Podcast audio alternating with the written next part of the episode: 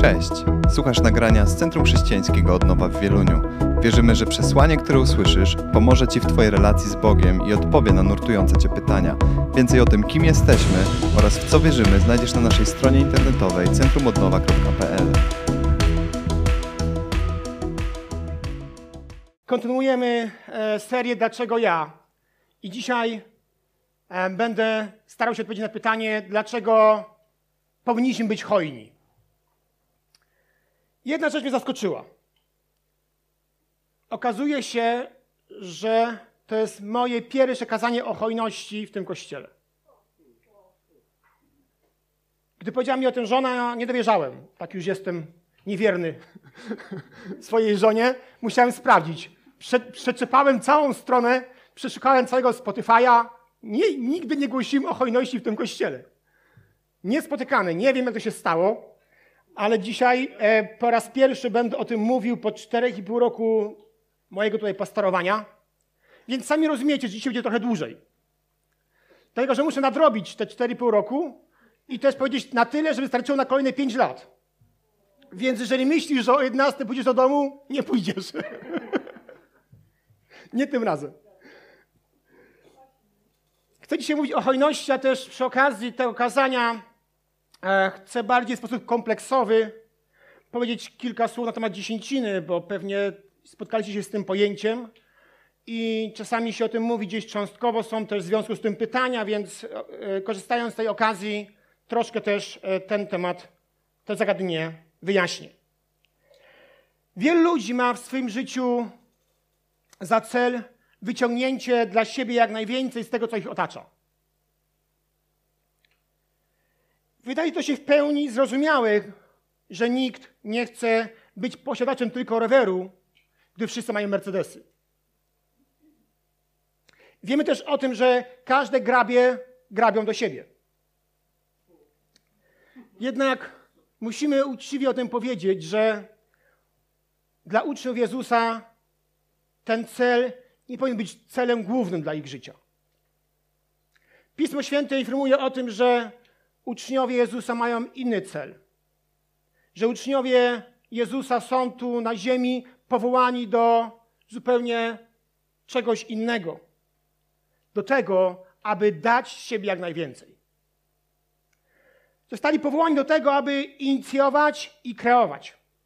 Biblia nam mówi o tym, że Bóg dał nam środki i talenty w pewnym celu.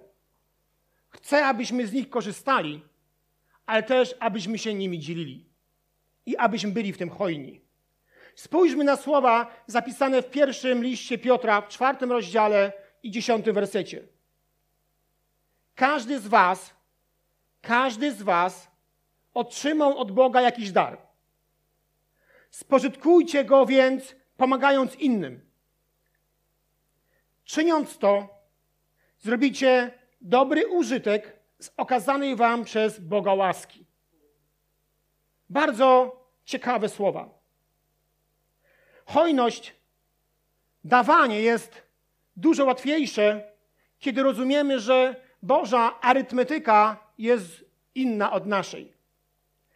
Nasza arytmetyka mówi: jeśli dostanę, to będę miał więcej, a jeśli oddam, to będę miał mniej. Boża arytmetyka mówi, Ewangelia Łukasza 6,38: Dawajcie, a będzie wam dane.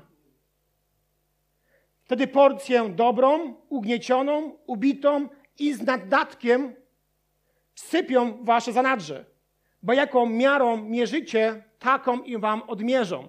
Więc gdy dajesz, według tego Bożego planu, Bożej matematyki, to gdy dajesz, to dostajesz więcej.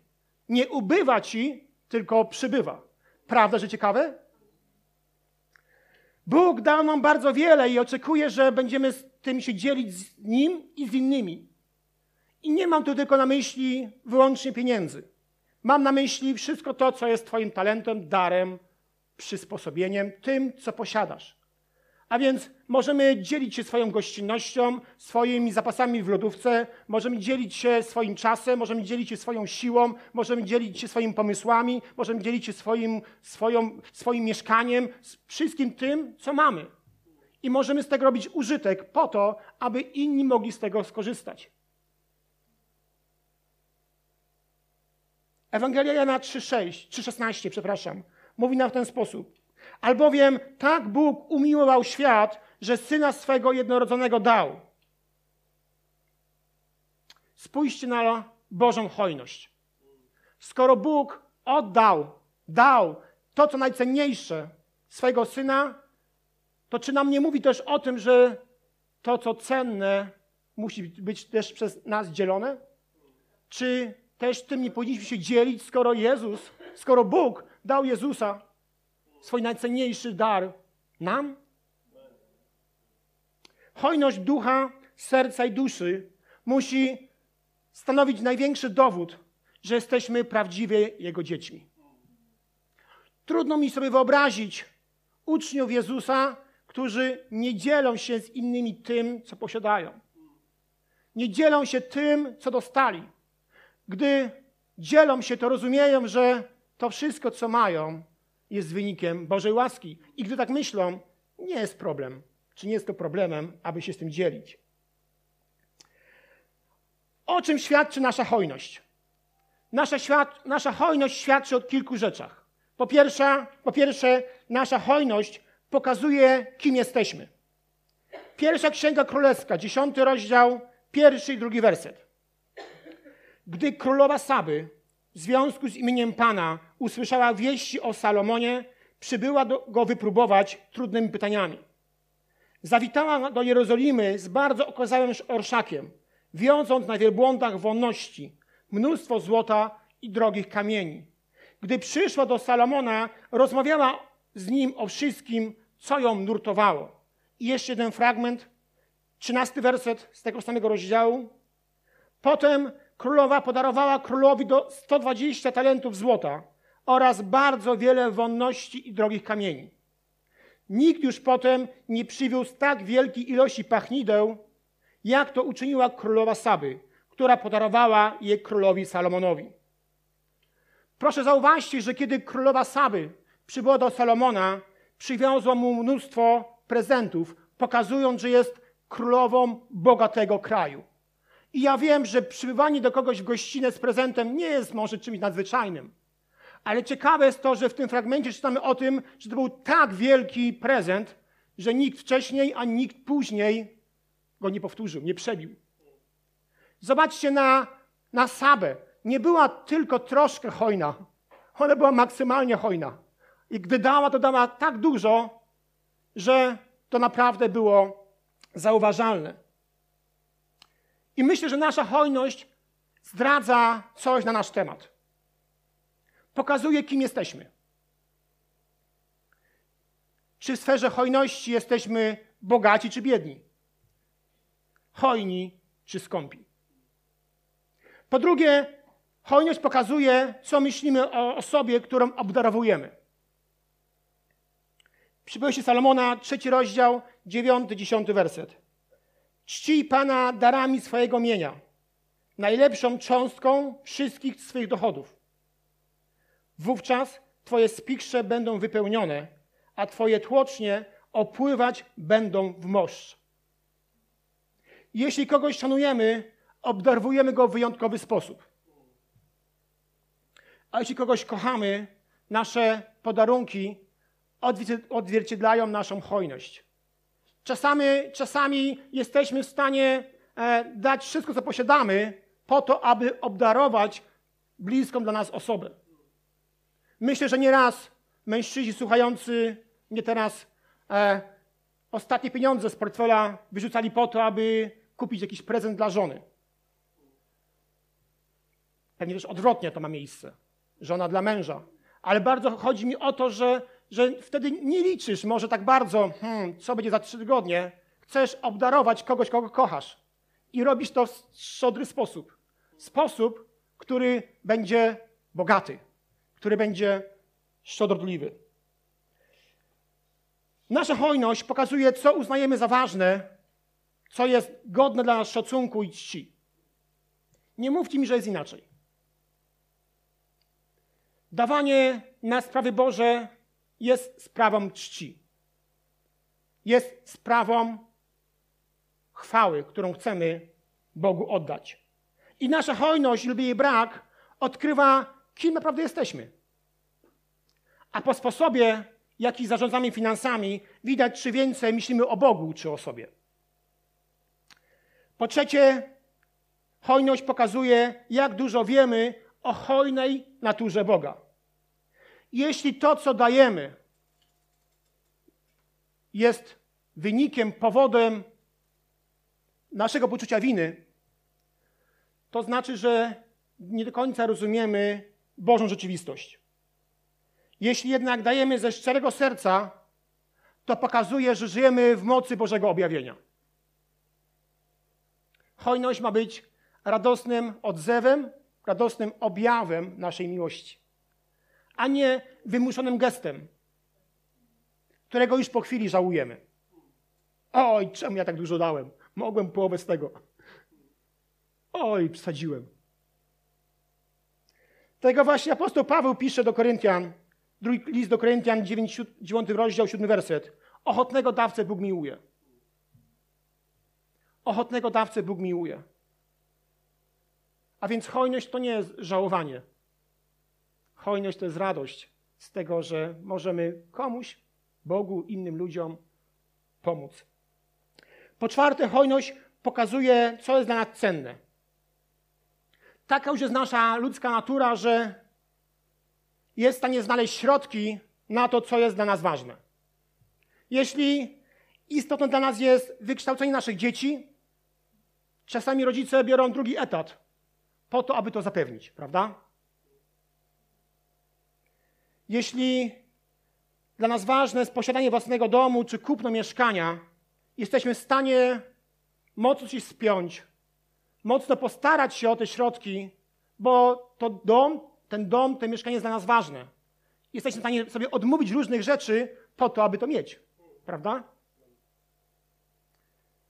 Jeśli Boże sprawy, takie jak misje, ewangelizację, zbór, pomaganie innym są dla nas naprawdę ważne, to poświęcimy mniej ważne sprawy, aby ułożyć na to, co jest naszym zdaniem ważne. Nic bardziej, moi kochani, nie pokazuje wartość niż zaangażowanie naszych funduszy. Pierwszy list do Tymoteusza, szósty rozdział, siódmy werset. Albowiem niczego na świat nie przynieśliśmy. Dlatego też niczego wynieść nie możemy. Apostoł Paweł używa tu prostej, prostego przekazu. Przyszliśmy na świat z pustymi rękami i tak też go opuścimy. To wszystko, co przychodzi przez nasze ręce, przez nasze życie, jest zwykłą pożyczką. Korzystamy z tego, co Bóg nam daje. To nie jest nasza wartość. To jest Boża wartość, a my jesteśmy zarządcami Bożych dóbr. Mam nadzieję, że to rozumiemy. A nawet dzisiaj śpiewaliśmy o tym, że wszystko należy do Pana. A więc będąc tu na ziemi, jesteśmy zarządcami Bożych wartości, Bożych własności. I każdy z nas z tego zarządzania zda kiedyś sprawę. Czy chcemy, czy nie chcemy, któregoś dnia przed sądem, tym Bożym, zdamy sprawę z tego, co zrobiliśmy z tym, co Bóg nam powierzył. Będziemy musieli się rozliczyć z naszego czasu, talentu, darów, też pewnie pieniędzy, co z nimi robiliśmy i jak je wykorzystywaliśmy. Czy zgodnie z tym, co Bóg chciał, abyśmy robili, czy też byliśmy w tym samolubni. Wtedy Bóg nas zapyta, co zrobiłeś z talentem, talentami, pieniędzmi, czasem i wszystkim innym, co przechodzi przez nasze ręce. A więc to jest bardzo ważne, abyśmy rozumieli to, że, e, że któregoś dnia po prostu będziemy musieli o tym porozmawiać. I fajnie, byłoby miło, jakby to była miła rozmowa. Kwestią, która zwykle wzbudza wiele pytań na temat, jest temat dziesięciny. Jeśli czytasz Pismo Święte, to prawdopodobnie spotkałeś się z tym pojęciem. Czym zatem jest tak zwana dziesięcina? Dziesięcina to oddawanie jednej dziesiątej części. Z doświadczenia wiem, że w momencie, w którym rozważamy kwestię dziesięciny, potrzebujemy wolności od niewłaściwej relacji z pieniędzmi. Bo jeżeli tej wolności nie masz, nic nie przekona. Żaden fragment nie dotrze, o którym, w którym Biblia mówi o dziesięcinie. Tylko wtedy, gdy jesteśmy, gdy jesteśmy wolni od, od, tej, od tej miłości do pieniędzy, od tej mamony, jesteśmy w stanie na spokojnie prześledzić pewne fragmenty i coś może do nas dotrzeć. Jeżeli tego nie ma tej wolności, każda próba o tym rozmowy jest y, jako zagrożenie odbierane i się objawia uprzedzeniem i urazą, co praktycznie uniemożliwia e, na spokojnie prześledzić temat. A przecież w końcu chodzi nam o to, abyśmy spotkali się z tym, o czym mówi Biblia. A więc, czy dziesięcina jest nowotestamentowym wzorem do, do naśladowania? Czy temat dziesięciny jest nauczaniem nowotestamentowym, czy też to wyłącznie temat, który podlega prawom Starego Testamentu? To są pytania, które nie wiem czy akurat was, ale wielu ludzi nurtuje. Też z kilkoma osobami, może więcej niż kilkoma, mogłem o tym porozmawiać. I jednym z argumentów dosyć często stosowanych przez, przeciwko oddawaniu dziesięciny jest to, że mówi się o tym, że ona pochodzi z Starego Testamentu, a my żyjemy w Nowym. Niektórzy starają się być bardziej precyzyjni i argumentują, że dziesięcina jest częścią zakonu Mojżesza, tak zwanego prawa, po którym my, jako nowonarodzeni, już nie, nie jesteśmy. Brzmi to bardzo przekonująco, ale jest problem z pewną argumentacją. I mamy tu problem z pewnym niebezpiecznym uogólnieniem. Otóż Stary Testament, księgi od księgi, od księgi rodzaju do księgi Malachiasza, dzielimy na czas przed zakonem i na czas pod zakonem. I dziesięcina jest jednym z tych tematów, która się przewija w obu tych częściach. Więc mówienie o tym, że jest to wymysł prawa mojżeszowego, jest nie do końca prawdziwa, ponieważ, za chwilę o tym później powiem, również przed prawem to pojęcie istniało.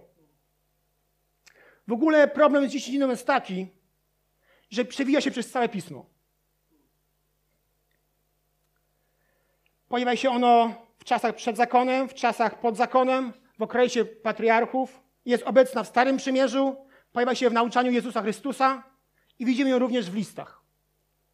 Mówię to po to, aby zobrazować, że temat nie jest przestarzały, archaiczny, starotestamentowy.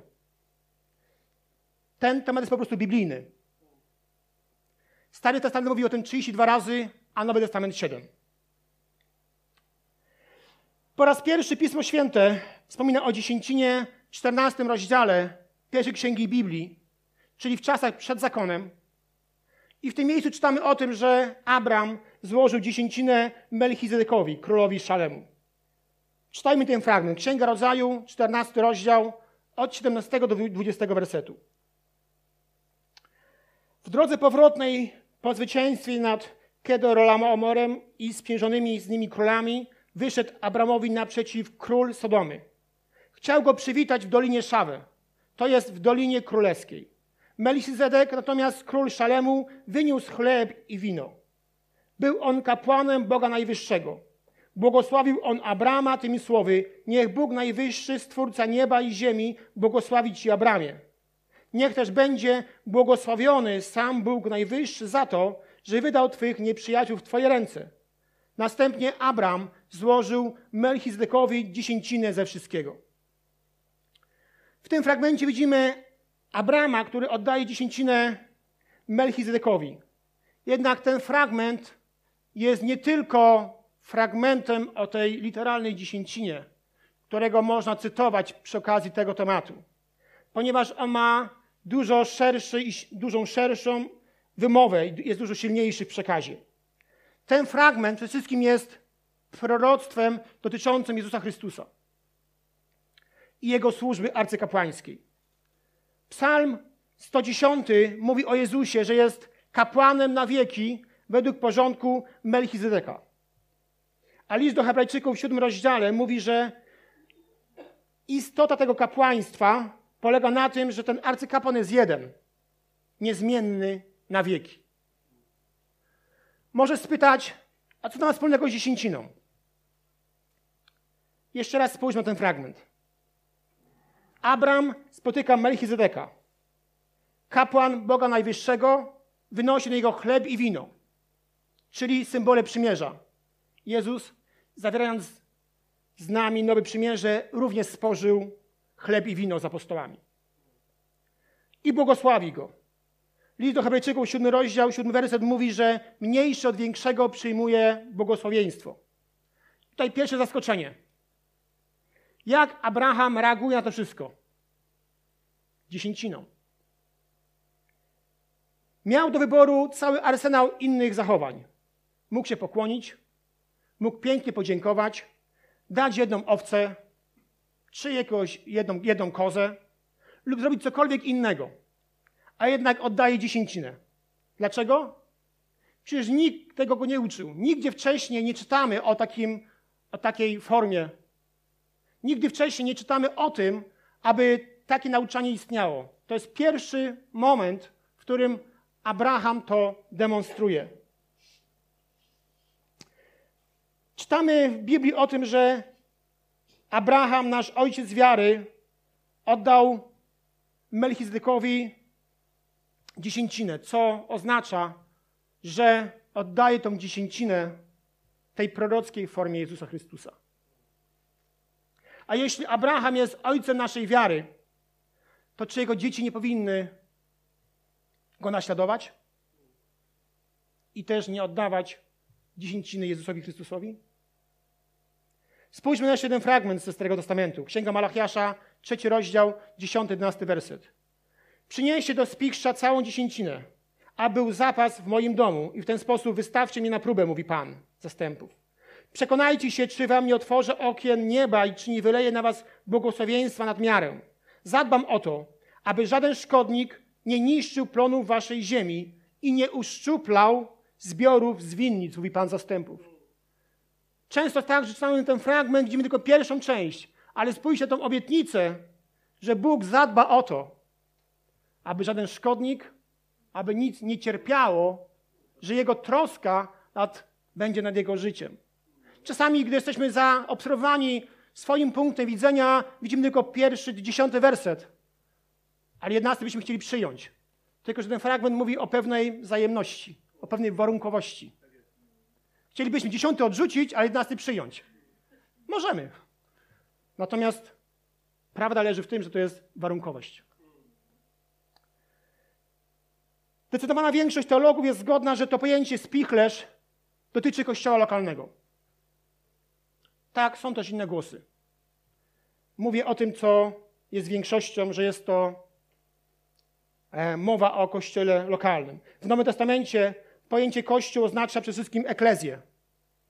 Lokalne zgromadzenie wierzących. Zatem tutaj widzimy, że dziesięcina powinna trafiać do lokalnego zgromadzenia. Znam ludzi, niektórzy sobie zastrzegają takie prawo, że będą sami decydować o tym, gdzie ona ma trafiać. I oczywiście to jest prawo każdego człowieka. Jesteśmy wolnymi ludźmi.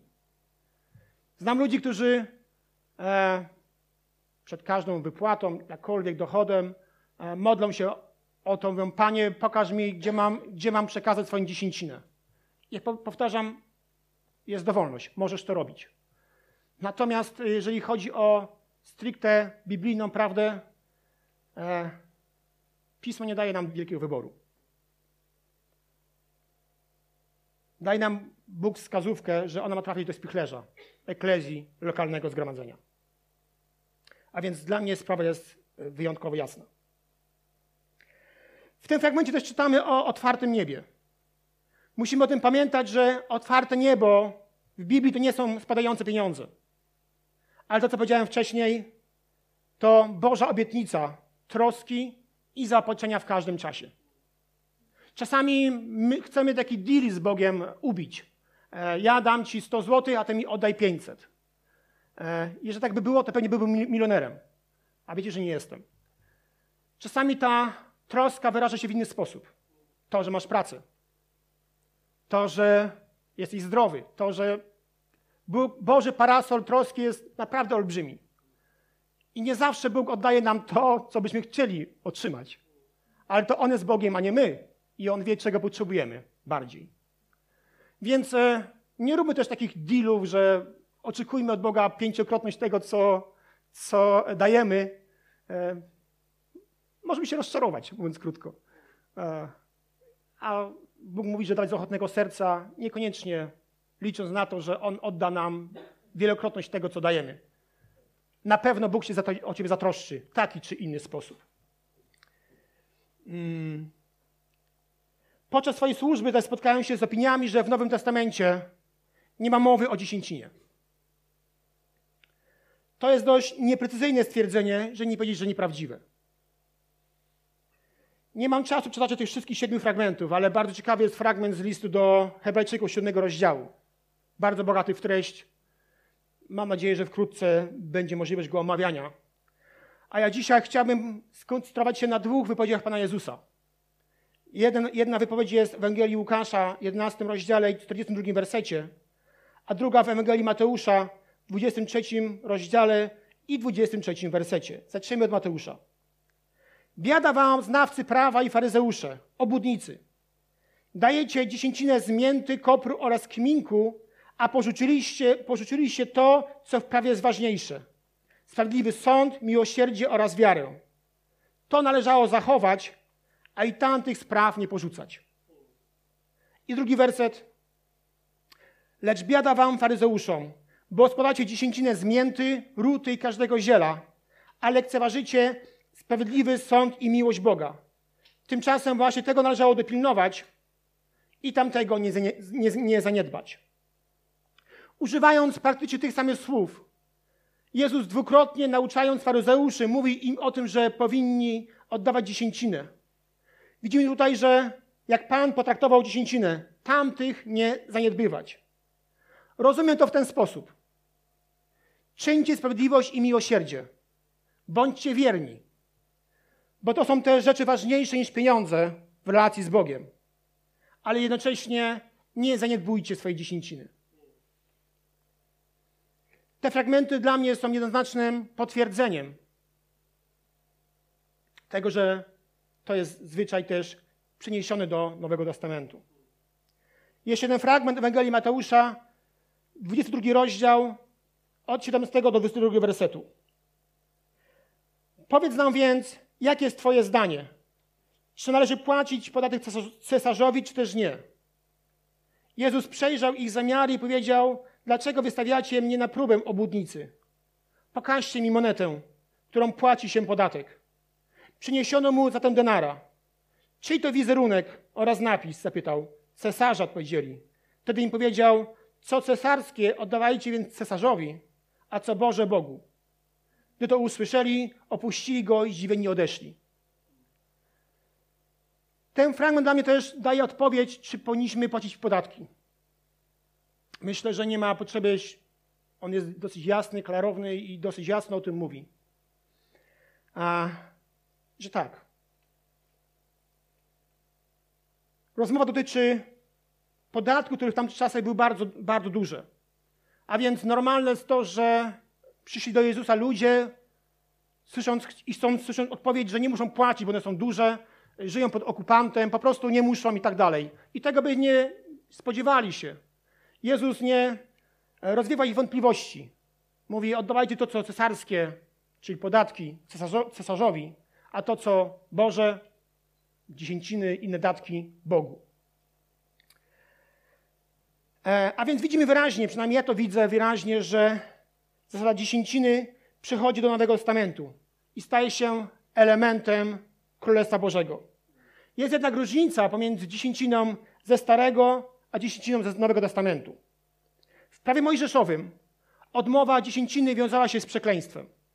Księga Malachiasza, trzeci rozdział, ósmy, dziewiąty werset. Czy człowiek może okraść Boga? Bo wy mnie okradacie. Jednak pytacie, w czym cię okradamy? W dziesięcinach i darach. Jesteście oburzeni klątwą, ponieważ mnie okradacie, wy, cały naród. Jednak chrześcijanie w Nowym Testamencie są wolni od przekleństwa, ponieważ Jezus nas pod niego wykupił.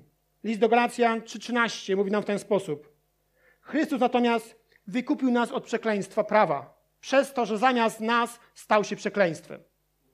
A więc nowe objawienie, e, nowe, nowotestamentowe objawienie jest takie, że, że, że, jest, że skoro Jezus nas wykupił, to należymy do Niego w całości. My i wszystko, co posiadamy.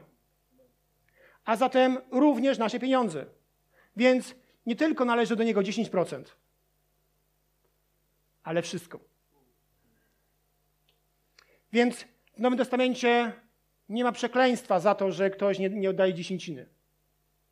Ale jest to możliwość, jest to zwyczaj, Boży zwyczaj, który myślę, że e, warto z niego skorzystać.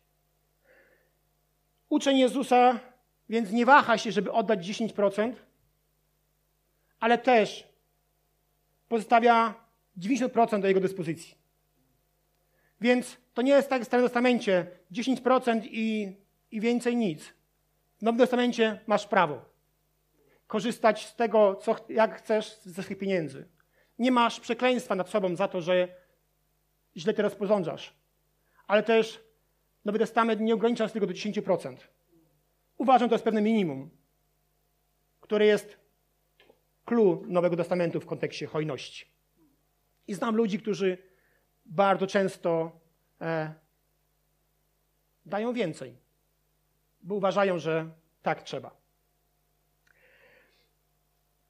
Jest jeszcze jedna sprawa w tym temacie, już na koniec.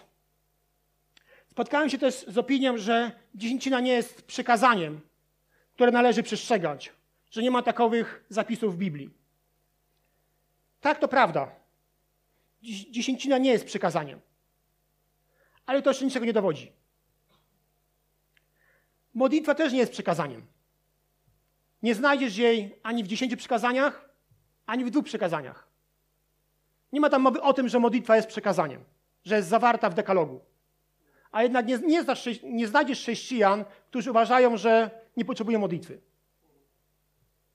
Uważają, że jest potrzebna, choć nie jest zawarta w dziesięciu przekazaniach, czy w dwóch przekazaniach, o których mówi Jezus. Modlitwa nie jest przekazaniem, ale jest naszą potrzebą i zobowiązaniem. Podobnie traktuje dziesięcinę. Ona nie jest przekazaniem, ona jest znakiem wierności moim zobowiązaniem wobec Pana jest otwieranie mojego finansowego życia przed Bogiem. To wyraz bycia poddanym Bogu i wyraz mojej wdzięczności za to, że On zaspokaja moje potrzeby. To także moje zrozumienie, że Dom Boży, Kościół, wspierany przez moją dziesięcinę, może w ten sposób funkcjonować i się rozwijać. To też w końcu jest część Nowego Przymierza, opartego na arcykapłaństwie według porządku Melchizedeka, które sprawuje dla nas Chrystus. I jeszcze jedna rzecz. Składanie dziesięciny uczy nas, że Bóg może uczynić więcej z naszymi 90% niż my sami ze 100%. Składanie, składanie dziesięciny nie chodzi tylko o pieniądze. Chodzi o to, abyś potrafił zaufać i chodzi o posłuszeństwo. Chodzi o błogosławieństwo. Bo gdy masz Bożą postawę wobec pieniędzy, to dostrzegasz Bożą perspektywę, która mówi, że największym beneficjentem dziesięciny jesteś ty sam. Uważam, że często z hojnością jest jak z rozwojem małego dziecka. Po urodzeniu dziecko najpierw raczkuje, później chodzi, a następnie biega. I podobnie jest z hojnością w naszym życiu. Na początku raczkujemy. Dosyć często niezgrabnie, jak to małe dziecko, poruszamy się. Później zaczynamy chodzić. I mam przed obrazem swoje dzieci, dzieci Was. Widzę, jak robią pierwsze kroki. Czego się trzymają, nie czują się bezpiecznie, ale próbują chodzić. A później po jakimś czasie słychać Alek, Maciek, wszyscy biegają. I ciężko ich zatrzymać. Tak właśnie jest z hojnością. Na początku raczkujemy, później stajemy się bardziej odważni, chodzimy, a na końcu już nie jesteśmy ograniczani. Biegamy. I sprawia, nas to, sprawia nam to największą frajdę. Ciekawe jest to, że dla małych dzieci bieganie właśnie jest największą radością. Że mogą się wyrwać z ręki mamy czy taty i biegną w jakimś tam kierunku. I często robią to z uśmiechem. I myślę, że to jest też taka, taki obraz e, hojności Nowego Testamentu. Że po prostu to radość. Że może nie trzymasz się właśnie tych 10% i, i, i kurczowo, tylko po prostu puszczasz się i biegniesz. Bo wiesz, że biegniesz w kierunku kogoś, kto cię po prostu chwyci. Być może dzisiaj w hojności raczkujesz. Być może tego się uczysz. Super. Ale nie, na tym się nie zatrzymuj. Bo nie znam zdrowych dzieci, które tylko raczkują. Może jesteś na etapie chodzenia w hojności. Świetnie. Ale wiecie, chodzenie bez możliwości biegania to jest połowiczny sukces. Więc jeżeli chodzisz, świetnie, dziękuję Ci za to. Myślę, że Bóg jest z Ciebie dumny.